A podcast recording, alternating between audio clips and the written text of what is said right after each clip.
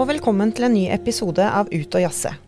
Jeg heter Vera Henriksen, og i dag skulle jeg ha jazza meg av gårde til Oslo for å treffe Tor Hammerød. Men det setter koronarestriksjonene en stopper for, og derfor skal vi ha med oss Tor på telefon.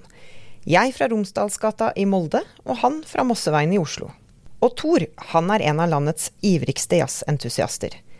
Etter han tok sluttpakke fra journalistjobben i TV 2 for fem år sia, bruker han mye tid på jazzmusikken. Han driver bloggen Tor de Jazz, lager radioen Ordentlig radio, og leverer stadig anmeldelser til Nettavisen og til oss i Romsdals Bustikke.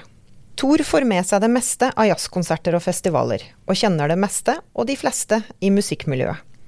Dessuten er han glad i ananasbrus og fotball, og han mener Trump bør avsettes som president så snart som mulig.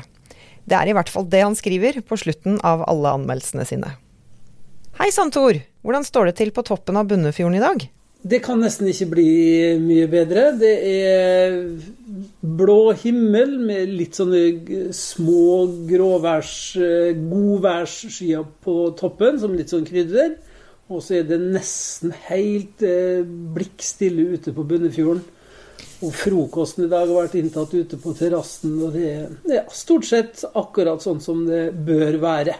For du bor jo altså bokstavelig talt et steinkast fra fjorden. Fortell litt om hvordan det ser ut rundt deg.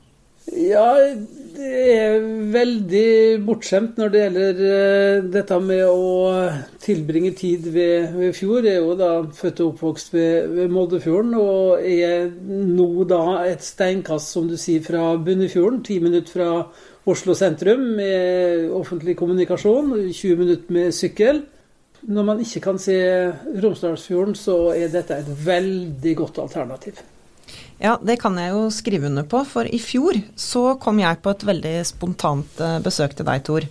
Eh, og da kom ja. jeg sjøveien, men jeg kom ikke med båt. Jeg svømte. Svømmende, Jeg svømte. Og krabbet opp på land ved badehuset ditt. Um, litt sår på knærne fikk jeg også, husker jeg. Men det er kanskje ikke helt vanlig at folk kommer sånn på besøk? Nei, det, du var definitivt den første som kom svømmende. Det har kommet noen med båt, men svømmende, det, det, er du den første som har gjort. Så der fikk jeg den, altså. Og det som er litt gøy nå, det er jo at jeg er fra Oslo, og du er fra Molde. Og nå har vi på en måte bytta by. Ja. ja. Er du fornøyd med det byttet, eller? Ja, men i hjertet mitt så er alltid, alltid moldenser. Det kommer til å være for uh, Uansett hvor gamle de kommer til å bli, så kommer uh, eh, 6400 til å ha et uh, spesielt sted i hjertet mitt. Jeg kommer jo fra så veldig Molde som vel tenkelig. Jeg er jo født og oppvokst i Storgata 15, og mer Molde sentrum blir det jo liksom ikke. Det er rett overfor plassen. Hvis man går ut av plassen, så går man på baksida av eh, Storgata 15. Det blir ikke mer sentralt. Hver jazzfestival, eh, Tor, så pleier jo du å reise hjem til Molde, altså i uke 29. Og nå er jeg jo litt spent på planene dine for i år. Skal du hjem? Ja, så Det har jo vært uh, veldig mye frem og tilbake med, med årets festival, da, selvsagt av fullt forståelige årsaker. Jeg har vært på, på, festival mer eller mindre hvert år siden 1961. fordi at eh, er du født og oppvokst i Storgata 15, så, så, er du jo på festival per definisjon da, når du går utafor døra. Siden eh, begynnelsen av 70-tallet i hvert fall, så har jeg vært eh, aktiv på et eller annet vis i forbindelse med festivalen. Sjøl om det er ikke 100% avgjort ennå, så begynner det å krype opp mot 99 avgjort at det blir, må bli Molde i uke 29 i år òg. Og hva slags opplevelse tror du det blir? Altså å være publikum på årets nedskalerte festival, som absolutt ikke vil sette preg på Storgata, sånn som du husker det? Jeg tror det kommer til å bli helt spesielt. Fordi at uh, det er altså en jubileumsfestival, uh, og den blir veldig, veldig annerledes enn eh, de aller, aller fleste. Kanskje alle. Det det kommer til å ligne mest på, er vel kanskje festival nummer én. Der eh, det stort sett bare var norske musikere. Bortsett fra den amerikanske trompeteren Benny Bailey, som vel var den eneste utlendingen. Og ringen er jo slutta på veldig, veldig mange vis, da. når Karin Krogh kommer og er hovedartist ved årets festival. Hun var jo også med i 1961, så det, det blir veldig stas, og det blir veldig annerledes. Og jeg har akkurat hørt Karin Krogh i levende live på, på Victoria i Oslo. Og den 83 år unge Karin Krogh kan jeg love dere alle sammen, hun er i stor slag. Ja, det er fantastisk. Men uh, hvilket terningkast vil du gi programmet som uh, festivalen nå da etter hvert har klart å stable på beina? Ja, jeg vil nesten gi dem terningkast sekser, fordi at uh, ut ifra de forutsetningene som har blitt gitt, så, så syns jeg at de har kommet opp med både et spennende program, et program som peker bakover, et program som peker fremover og de har greid å stable på beina en hel del originale ting, bestillingsverk, som eh, lå der i utgangspunktet til det opprinnelige programmet, men også andre ting som har kommet til i løpet av de par ukene de har hatt på seg for å skape det som eh, har blitt et veldig oppegående program med bare norske musikere. Det er kjempeflott. Det er mer enn nok å ta av der for å skape ei flott uke i uke 29. Er det noe du gleder deg spesielt til? Noe du har eh, sett på programmet og tenker oi, dette blir eh, knallbra? Ja, de der bestillingsverka som, eh, som både Johan Lindvall og Hedvig Mollestad, også hun med solide røtter til Molde, Eh, skal presentere, kommer til å bli eh, noe helt for seg sjøl. Det er jeg 100% sikker på. Og så åpningskonserten da med, med Arild Andersen, som eh, har samla kremen av unge norske musikere med Helge Lien, Håkon Mjåseth Johansen, Marius Neset og Karin Krogh som spesiell gjest. Det kommer til å bli en opplevelse som man kommer til å sitte igjen med i årets og årevis fremover. Det er jeg sikker på.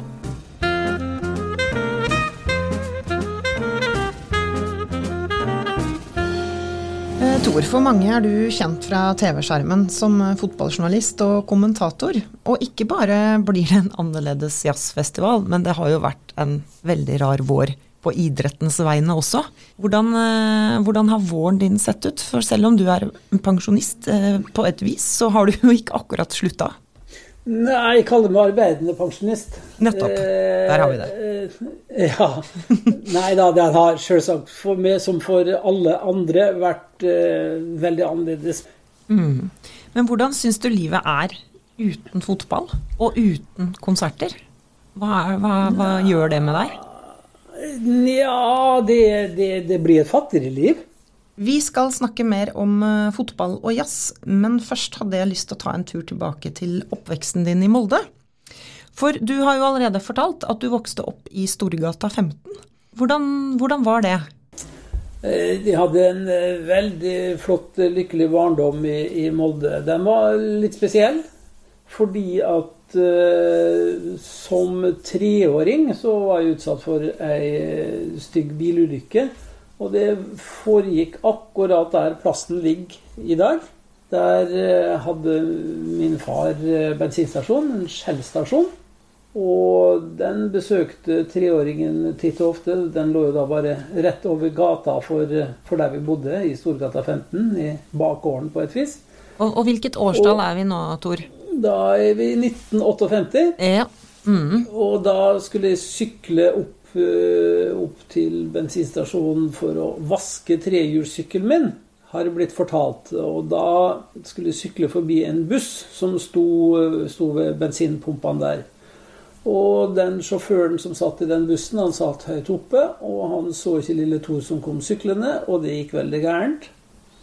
Og jeg ble da overkjørt av den bussen. Og min far hadde akkurat vært utsatt for bilulykke og sto med krykka og så på. Og kasta krykkene og skulle til å løpe. Det gikk veldig dårlig for hans del òg, for han hadde et kne som var knust. Så den løpinga var visst ikke noe særlig imponerende, visstnok. Så det førte til at eh, jeg havna på gamle Molde sykehus. Det som eh, Der fylkeshuset ligger, den, eh, ligger i dag.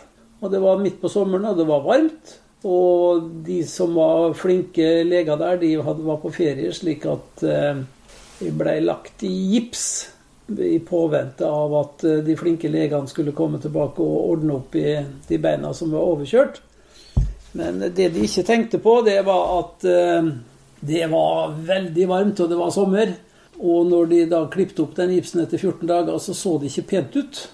Og det var nesten gått kålbrann i begge beina.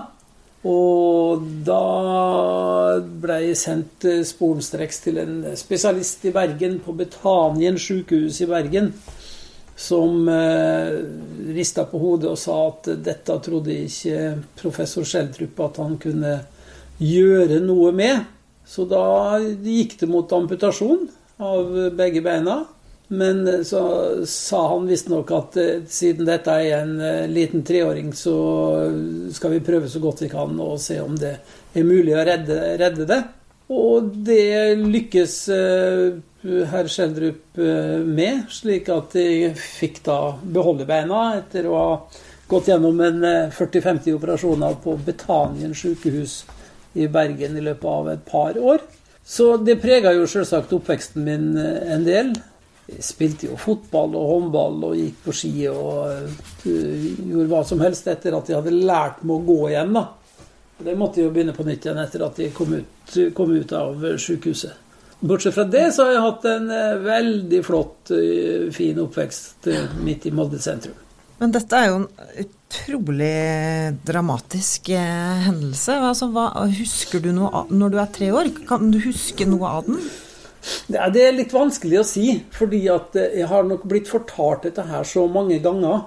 Om det er noe jeg husker sjøl, eller om det er fordi at jeg har blitt eh, fortalt så mange ganger, det, det, det kan jeg nesten ikke fortelle det. Jeg vet ikke. Det hender det at du du skjenker denne legen nede på Betanien noen eh, takknemlige tanker? Ja, det, det, gjør det for så vidt. Både han og en meget streng kvinnelig fysioterapeut som het Johannessen. Det er ikke sikker på om jeg greier å huske det heller, eller om det er blitt det fortalt, men jeg var veldig sint på henne. Fordi hun var så streng med meg når hun skulle lære meg å gå igjen. Men eh, i ettertid så eh, er jeg meget takknemlig overfor eh, fysioterapeut Johannessen også. Hun fikk meg på beina, for å si det sånn. Ja. Det er jo det er en fordel. Det er en fordel, og siden har du, ja. har du, vært på beina, og er fortsatt på beina, og beina dine fungerer som de skal? Ja da. De bærer jo preg av ulykka, men eh, ikke noe som eh, plager meg til daglig på noe som helst slags vis. Det, det, som var veldig spesielt, det var jo at jeg, jeg brakk ikke det eneste bein.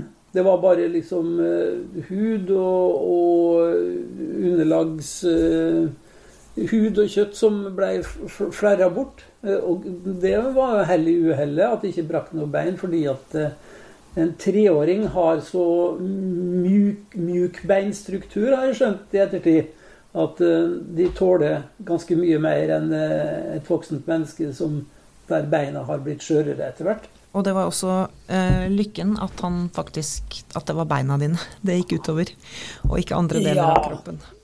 Ja, noen påstår at uh, var, bussen var sikkert borti hodet òg. Det har blitt sagt i ettertid at uh, ja, vi ser jo, merker jo det at uh, det er en liten hodeskade, hjerneskade der. Nettopp.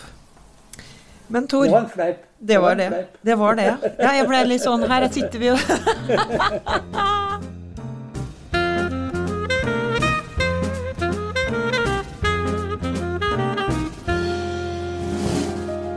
Men eh, familien din, Tor. Du har noen søsken? Eller i hvert fall ett, ja, som jeg vet om. Jeg har en, bror. En bror. Som eh, noen i Molde kjenner godt til. Jan Petter. Ja. Som eh, jo da har vært ordfører i mange, mange år. Og som eh, syns har gjort eh, en veldig flott innsats som ordfører. Og det kommer folk støtte støtt stadig bort til med å spørre etter han og hvordan det er med han. Og de kaller han bare for borgermesteren. Ja, akkurat. Det er kallenavnet. Hvordan står det til med borgermesteren? Og det, det syns jeg han skal virkelig ta til seg, fordi at eh, da har han eh, gjort en innsats fordi han er valgt av og for å gjøre en jobb. Og det gjorde han. Han hadde en, en veldig fin vane, bl.a. Han, før han begynte på kontoret på rådhuset om morgenen, så gikk han som oftest en halvtime, tre kvarter før gjennom Storgata og Andregata, for alt jeg vet. Bare for å treffe folk og snakke med folk og høre om eh, hva som opptok dem, før han begynte på jobb om morgenen. En liten eh, slags meningsmåling der på morgenkvisten? Ja, altså. bare for å høre hva folk var opptatt av. Mm. Men hadde du noe slags politisk kall eller politisk interesse? Nei, men eh, vi kan vel godt si det på den måten at eh, min bror og jeg, vi har langt ifra vært enige bestandig. Langt ifra når det gjelder eh, de store politiske linjene. Men eh, vi har kommet godt ut av det til tross for det.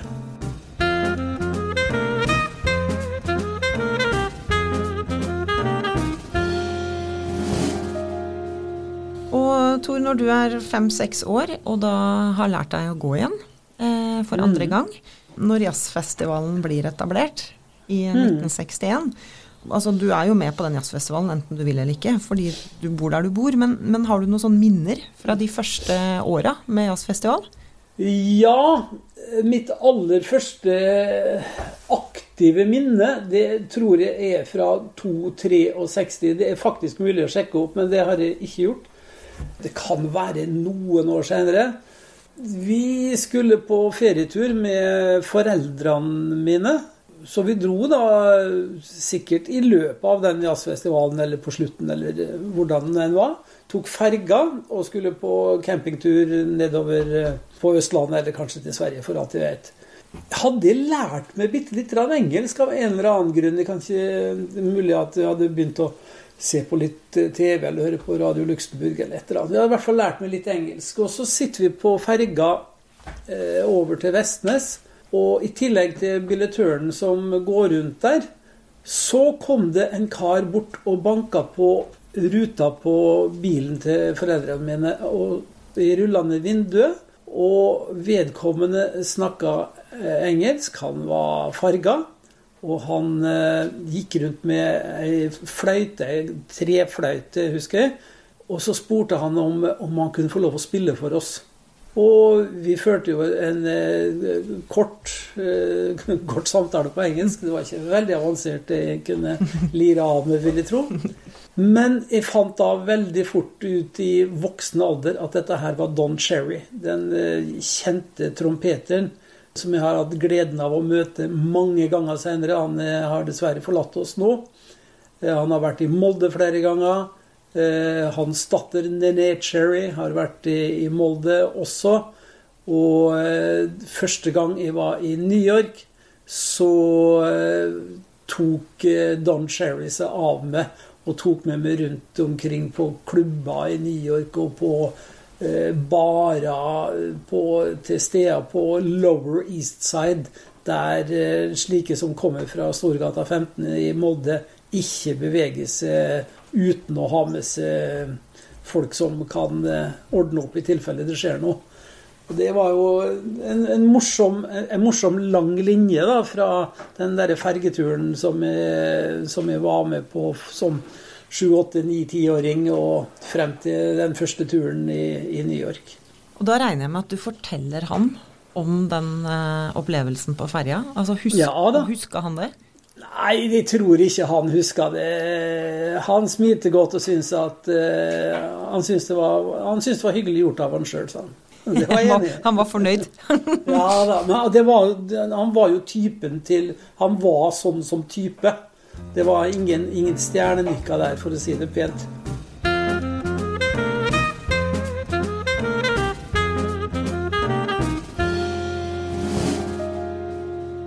Men hvor kommer eh, jazzinteressen din fra, og når kommer den? For det er jo ikke akkurat eh, ungdomsmusikk, kan vi kanskje si? Nei, men jeg tror liksom du har nesten ikke noe valg når eh, du er født og oppvokst midt i, midt i gryta, eh, som, som, jeg var da. Og det, det begynte jo med, med popmusikk og, og, hørte på Radio Luxembourg og masse venner, ungdomsvenner, som hadde eh, stor musikkinteresse. Og så blei jo veien over til, til eh, jazzmusikken som vi blei eksponert for i, i, ung alder i Molde. Jeg husker jo som eh, ja, om det var på realskolen eller om det var folkeskolen, at det var skolekonsert med tenorsaksofonlegenden Ben Webster på, i Molde rådhus som skolekonsert. Noe som gjorde et fantastisk inntrykk på, på et ungt sinn. Har du spilt noe sjøl noen gang? Eller eh, er du publikummer først og fremst? Eh, særdeles mye bedre som publikummer eller som, enn som eh, utøver. Jeg har klunka bitte lite grann på piano, men det, er, det, har ingenting med musikk å gjøre, altså. I beste fall så kan det tilskrives eh, avansert eh, polsk frijazz på det dårligste. Jeg forstår. Men det er viktig rolle å være publikummer også. Det er jo, eh, viser seg jo nå uh, hvor viktig publikum er, og hva som skapes i møtet mellom musikeren og publikum. Ja, det er jo de, de møtene der som er magiske. Er jo, musikken er jo ingenting uten publikum, og publikum er ingenting uten musikken. Så vi, vi, merker det jo godt alle sammen akkurat nå i disse veldig, veldig spesielle omstendighetene vi lever i.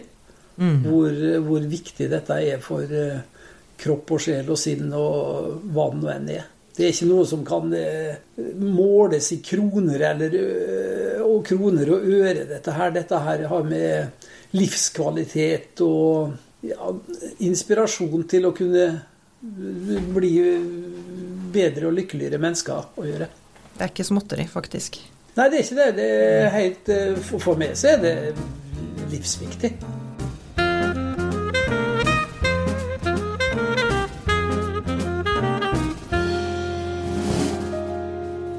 Blir jo etter hvert journalist i TV 2, men når er det du når, Altså, hva, hva, var planen di? Eller hadde du noen plan for hva du skulle bli når du ble stor? Eh, nei, min gode venn Erik Brakstad og, og, og Finn Bolsenes, eh, to eldre eh, Finn har jo forlatt oss for ganske mange år siden. Og Erik, begge de to var lærere og sa at dette er moro. Jeg hadde jo alltid hatt lyst til å drive med noe sånn formidlings, eh, noe, noe, i formidlingsveien. Familien min er jo realister alle sammen. Faren min var det, broren min er det. Men jeg var ikke i nærheten av det. det ligninger, sånn andregradsligninger og sånn, de, det gikk alltid gærent, det for meg. Det, var, det, var, det stemte aldri. Så da ble det lærerskole. Eh, jeg hadde jo pjuska bitte lite grann i, i journalist faget og skrev litt for, eh, for Romsdals Bustikke som eh, gymnasiast og vel så det. Men så ble det lærerskole og læreryrket noen år. Og eh, så dukka det opp muligheten for å bli frilanser i NRK. Vakta i TV-sporten. Og så på et eller annet tidspunkt så måtte jeg bare bestemme meg. Skulle fortsette i læreryrket på fulltid, eller skulle ta sjansen på journalistyrket? Det var et eh, sjansespill å ta. Læreryrket var fast og sikkert. Journalistyrket var på ingen måte det. Men etter eh, noen år i NRK på det viset, så takka jeg ja til eh, informasjonssjefsjobb i Norsk Rikstoto, og så ble det det samme i SAS. Og så eh, havna jeg i Telenor som, tele, som, informasjonssjef i Telenor Mobil. Men jeg kjente hele tida på at eh, jeg savna journalistyrket. Så jeg bare sa opp jobben som informasjonssjef i Telenor Mobil uten å ha noe spesielt å gå til. Og håpte på at dette skulle ordne seg, og det har det da gjort. Og det endte med 17-18 år, lykkelige år i, i TV 2 før jeg tok sluttpakke for eh, fem års tid siden. Og når du jobba i TV 2, altså på 80-, 90- og tidlig Nei, 90- og 2000-tall, kan vi vel kanskje si da. Ja. ja. Så var jo det i glansdagene til, til TV 2, og mediebildet så jo veldig annerledes ut enn, enn det gjør i dag. Hvordan ja. var det å jobbe vi, der? Vi er en del uh, venner som, uh, og kollegaer som har uh, slutta. etter hvert av forskjellige årsaker. Og når vi treffes nå, så sier vi alltid at vi var heldige, vi som fikk være med på gullalderen. Og det er mulig at alle sier det om si tid, men jeg mener det veldig. Så du angrer ikke på, på sluttpakka du tok i 2015? Aldri, ikke ett sekund. Jeg har uh, fått uh, fortsette å holde på med veldig mye av det som jeg syns var moro den gangen. Jeg driver fortsatt og kommenterer mye fotball og skal gjøre det uh, også, også, i år. Og så lager jeg det radioprogrammet, og så skriver jeg masse plateanmeldelser og bokanmeldelser. Jeg holder akkurat på å lese ferdig den siste Elling-boka nå, som jeg skal skrive om. Veldig, anbefales veldig hvis noen har lyst til å humre litt. Og så eh, har jeg jo vært så heldig jeg har blitt spurt av, eh, av Bustika om å være med og, og dekke Molde Jazz. Det syns de er kjempeartig. Fotball og jazz har jo da åpenbart vært viktig hele veien. Eh, er det noen link der mellom fotball og jazz? Ja, det, det, jeg har fått det spørsmålet mange ganger, da. Eh, og det jeg bruker å svare, er at eh, god fotball og god jazz det har eh, noe til felles, nemlig at det svinger. Og hva er det? Kan mange da spørre hva, hva betyr det, det å svinge? Da pleier jeg å si at hvis du ikke kjenner det, hvis du ikke føler det, da er det umulig å forklare det. Ja. Det, er, det, er, bare, det er bare en, en, følelse, og den er veldig god.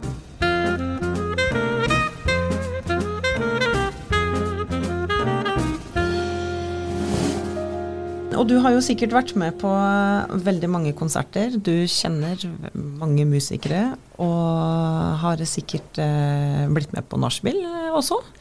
Eh, så jeg tenkte jeg måtte jo fiske litt, da. Om det fins ei historie her som du kanskje ikke har fortalt før? Mm, ja De første åra som jeg var med i festivalen, så, så var jeg en, med i en gruppe som heter MR-komiteen. Som på godt norsk heter Musical Relations. Altså Man eh, tok seg av musikere fra de landa på flyplassen til de forlot eh, vakre Molde igjen. Og da var det jo mye som, eh, som skjedde kan begynne med ei lita søt historie fra 1981. Da spilte Bill Evans sin første og siste konsert i Molde. Legendarisk eh, pianisten Bill Evans. Han døde tre uker senere, og han var en svekka mann da han var i Molde, men eh, på pianokrakken så leverte han en fantastisk konsert. Jeg skulle ha med Jan Garbarek å gjøre det året.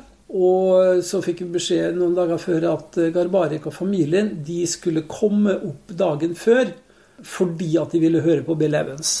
Og jeg fikk ordna med billetter i Molde kino til eh, både Vigdis, fru Vigdis og datter eh, Anja, som da var ti år. Elleve, kanskje ti eller elleve år. Eh, og da satt vi sammen og hørte på den fantastiske konserten til Bill Evans Trio. Og han spilte og spilte og spilte og spilte, og han ga seg ikke. Jeg tror konserten varte i to og en halv time. Og jeg satt og kikka bort på Anja, 10-11 år gammel, som satt der som et lys. Ikke et ord kom over leppene hennes i løpet av de to og en halv timene. Og så sto vi utenfor eh, og gikk bortover mot eh, hotell Alexandra etterpå, og så sier jeg til Anja at nå syns jeg du har vært kjempeflink, Anja, og sittet så stille så lenge. Så ser hun bare sånn veslevoksent opp på meg, og så sier hun Vet du hva? Jeg vet at pappa syns det er fint jeg er stille når han spiller, så da er jeg stille når det andre spiller også. Så det hadde hun lært seg? Du verden, du verden, sa, du, ver, du verden, sa Jan. Du verden, sa Vigdis Garbariko. Ja. Så det var, det var Jeg minna Anna på, på, dette her senere. Altså. Var jeg så voksen? Ja, det var faktisk det. Det var en morsom, en morsom Ja, det var en eh, søt historie. Absolutt. Søt historie. Men det, det, er jo ikke alle som er like søte. Jeg, jeg tror jeg er den eneste på kloden som har hatt eh, den ja, skal vi si, gleden av. Eh, det var en, en, en nesten eh, sjokkarta opplevelse det var konserten eh, med Jaco Pastorius i Idrettens hus i eh, Hva er det, da? Er det 283 eller et eller annet sånt? Eh, Pastorius er den største elbassisten verden har sett, i mine øyne. Vi visste alle at han var en meget spesiell person. Det har blitt skrevet bøker om hans liv og levnet. Han ble bare 35 år gammel. Og etter at hans fantastiske periode i Weather Report hadde liksom løfta han opp til, til verdensberømmelse, så reiste han jo rundt da med sitt eget band som eh, han kalte for Word of Mouth, og kom til Molde sammen med bl.a. gitaristen Mike Stern. For å si det pent, de hadde et veldig eh, åpent forhold til, eh, til sentralstimulerende midler. De kom til Molde. Jeg sto på Åre International Airport og tok imot dem. og Der kommer turmanageren ned. De skulle spille sin siste konsert på en treukers europaturné. Han kommer ned av trappa. Han hadde fått beskjed om at en som heter Tor Hammerød, skulle ta seg av, eh, ta seg av bandet. Så han kommer ned av trappa. Han hadde aldri sett meg før. Kommer rett borte med, for vi sto, vi sto ute på flystripa. Så sier han 'Are you Tor Hammerød?' Han bare, bare håpte at han traff rett. Vi var jo flere som, som sto der. Så sa jeg 'yes', og så bare så han på meg sa 'You take care of these gentlemen. I am out of here'. Og da forsvant han, og så han aldri igjen. Han hadde fått nok etter tre uker i Europa sammen med, med herrene. Jeg skjønte jo at eh, det, det hadde vært tøffe tak underveis. De skulle spille dagen etter, så de hadde kvelden fri i Molde. Og var en, vi var ute og spiste på en uh, fiskerestaurant nede ved kaia, husker jeg. Og var, alt gikk fint, og alt var flott, og alle var i godt humør, og alle var, uh, var sånn som det skulle være. Så dukka dagen etter uh, opp og konserten i Idrettens hus. Da var ikke formen fullt så bra, for å si det pent. Pastorius reiste rundt med en basstekniker, og han hadde med seg to, to elbasser. De så like slitne ut begge to, men de låter jo låt jo helt fantastisk. Så begynte konserten, og eh, det var et ganske svært band med blåsrekke på tre-fire mann og masse perkusjonister og ganske svært komp også. Og så begynte konserten, og det gikk ganske fint eh, i sånn eh, ja, ti minutter. Så røyk det en bassstreng, og det var liksom ikke Og det, det skjer ikke, men det skjedde da. Og det var altså fest Eh, ikke strengen som røk, men eh, skruen som var, den var festa eh, nede på, på basskroppen. Så tok han av seg bassen, og så kasta han den til teknikeren som satt ved siden av scenen, som fikk tatt imot den. Så kom han løpende opp med den andre, satte i gang og begynte å spille på den. Og det tok fem minutter, så røyk det et feste på, på den bassen òg. Og så kasta han fra seg bassen til sida av scenen, og rusla etter sjøl. Og jeg satt i salen og tenkte at her er rådyr gode. Dette kan gå virkelig gærent. Så jeg rusla bak scenen. Vi hadde fått, vi hadde fått god kontakt. Og så treffer jeg han, kommer i bak scenen, og der er Jaco Pastorius eh, oppløst i tårer. Og sier at uh, 'My life is fucked. This concert is over.' Og så videre, og så videre. Han bassteknikeren han jobber jo på spreng for å få reparert den førstebassen, da. Han var ikke ferdig med den engang. Bandet fortsatte å spille mens vi sto bak scenen der. Og så lurte jeg på hva i alle verdens dager skal jeg gjøre for å prøve å redde dette her. Så sa jeg det at vi går oss en liten tur med han, mens han får reparert bassen i fred. Det endte med at vi gikk en timinutters tur bortover Moldeleveien, forbi eh, Reknesbanen og med Romsdalsmuseet på venstre hånd. Og satte oss ned og snakka om barna hans, om livet hans, om eh, problemer, om eh, weather report og om, ja, om alt.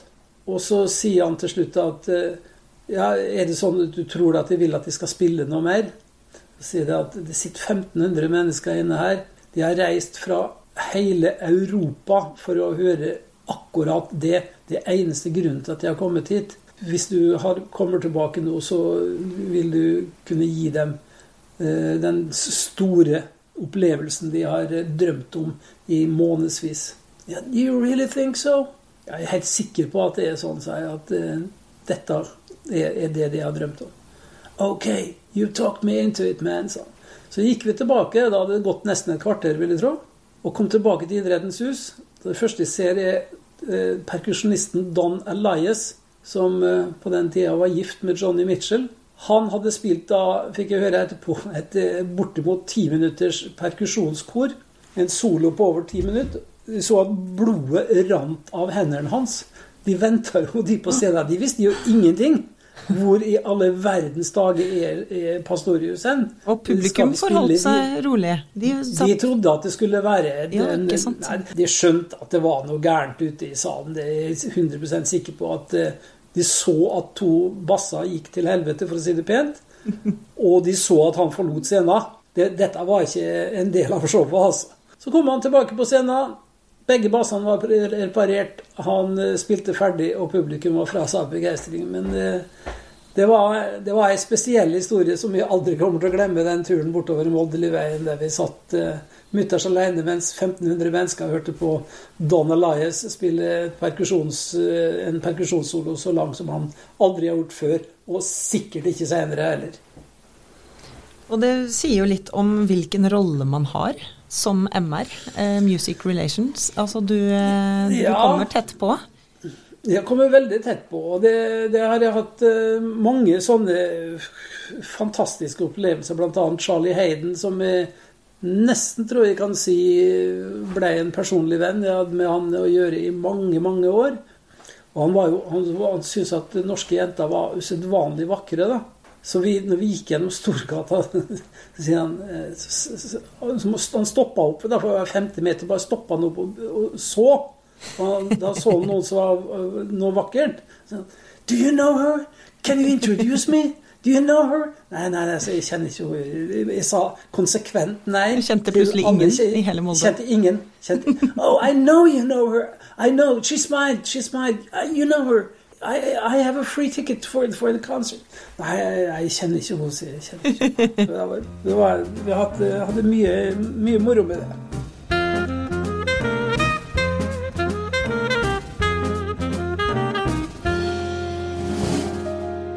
Og nå er jo du muligens ikke helt objektiv, men uh, hvilken status opplever du at Moldejazz har der ute i verden, blant musikere og, og andre?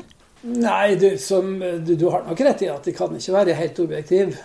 Bånda er såpass sterke, men eh, jeg føler meg overbevist om at eh, det folk sier, det mener de in, in, innerst i det innerste hjertekammeret når de sier at eh, Molde har en helt spesiell plass hos så å si alle jeg har støtt på som har vært der en eller flere ganger. Det har noe med måten du blir mottatt på, uh, måten uh, byen og uh, omgivelsene de, de, blir jo bergtatt da, av omgivelsene. Og når de lander og det ikke er lavt skydekke og tett regnvær, så er det jo en måte å ankomme et sted på som det, det, det, er ikke mange som kan matche akkurat det. altså. Mm. Derfor er det jo veldig mange som, som, som, sier at eh, er det mulig å ha én, to, tre dager ekstra et eller annet sted, så vil de gjerne legge det til Molde.